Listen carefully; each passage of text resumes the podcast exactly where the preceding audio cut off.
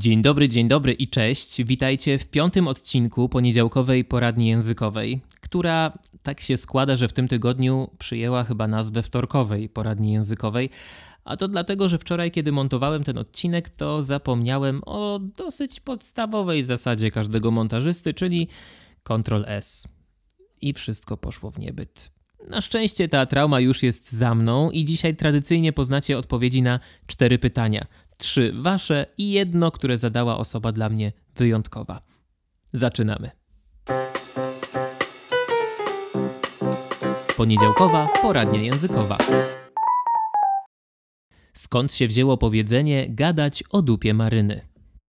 Przyznam szczerze, że było to pytanie, które zadawane było dosyć często i w końcu postanowiłem, że jakoś e, chciałbym na nie odpowiedzieć. Mówimy tak, czyli mówimy gadać o dupie maryny, wtedy kiedy y, mówimy o czymś nieistotnym. I mamy kilka wariantów tego powiedzenia, bo mamy o dupie marynie, o dupie maryni, o dupie maryny i możemy także mówić, rozmawiać, pisać albo pieprzyć o dupie maryny itd., tak itd. Tak Wspominałem już w jednym z odcinków, że pochodzenie frazeologizmów jest zazwyczaj niepewne. Ktoś kiedyś tak powiedział, ktoś inny to podłapał, a ktoś jeszcze inny to przekształcił, no i tak to poszło w świat.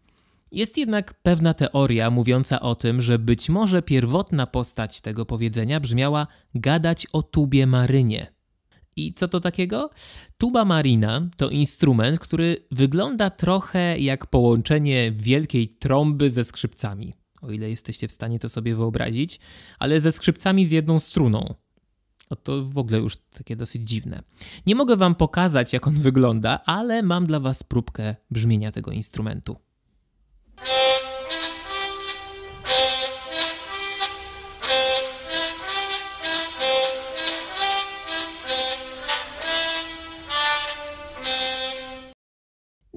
Szczerze powiedziawszy, nie wiem, co mam myśleć o tym instrumencie, ale może odpowiedzmy sobie na pytanie, co on ma takiego wspólnego z powiedzeniem gadać czy też mówić o dupie maryny. Tuba marina była instrumentem, który przestał być używany już w XVIII wieku i stanowił nie lada zagadkę, bo z jednej strony był przedstawiany jako atrybut anielski, a z drugiej strony towarzyszył tańcom śmierci. Sama jego nazwa także przysparza kłopotów, bo nie wiadomo skąd pochodzi. Niektórzy uważają, że ma ona związek z marynarzami, inni, że chodzi o kult maryjny.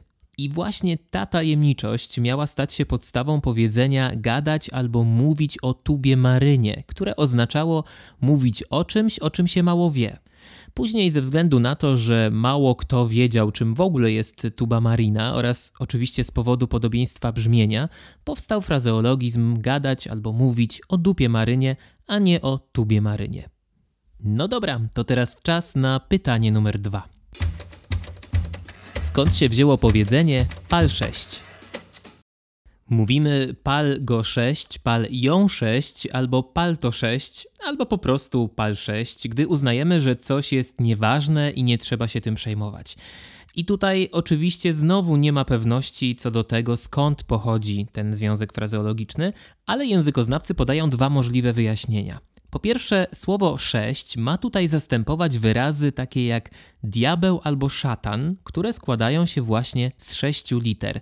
I ma to oczywiście związek z tabuizowaniem albo eufemizowaniem, czyli mówieniem tak, żeby nie nazywać pewnych rzeczy, pewnych zjawisk wprost.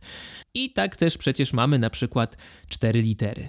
Za tą interpretacją przemawia także to, że w języku mamy bardzo podobne warianty powiedzenia pal 6, czyli właśnie pal diabli albo pal licho.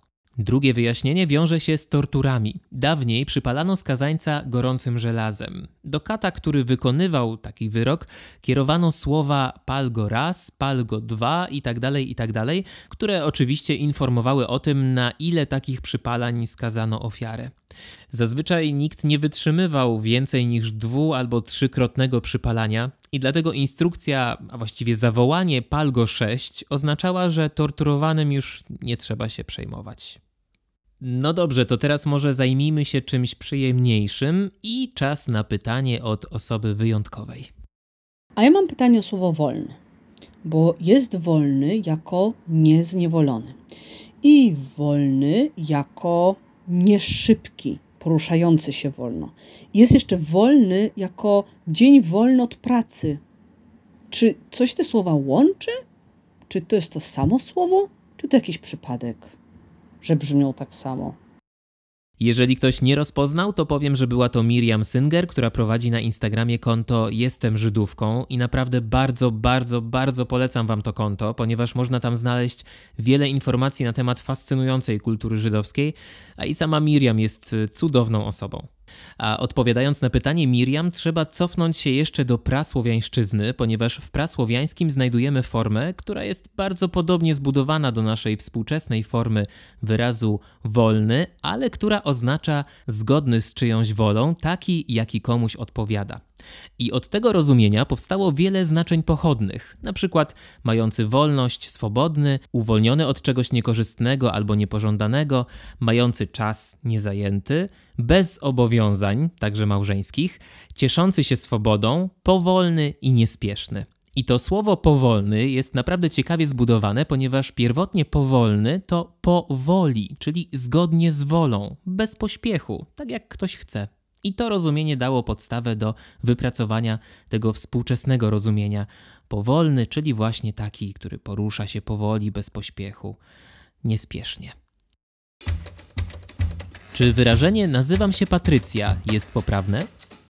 W słowniku poprawnej polszczyzny, który pokazuje nam stan współczesnej normy językowej, znajdziemy informację o tym, że takie zdania jak nazywam się Patrycja, nazywam się Kasia, nazywam się Olaf są niepoprawne, ponieważ po takim wyrażeniu, wyrażeniu nazywam się, powinno paść imię i nazwisko albo tylko nazwisko. Natomiast jeżeli chcemy użyć do przedstawiania się imienia, to wtedy mówimy jestem Kasia, jestem Karol albo mam na imię Kasia, mam na imię Karol.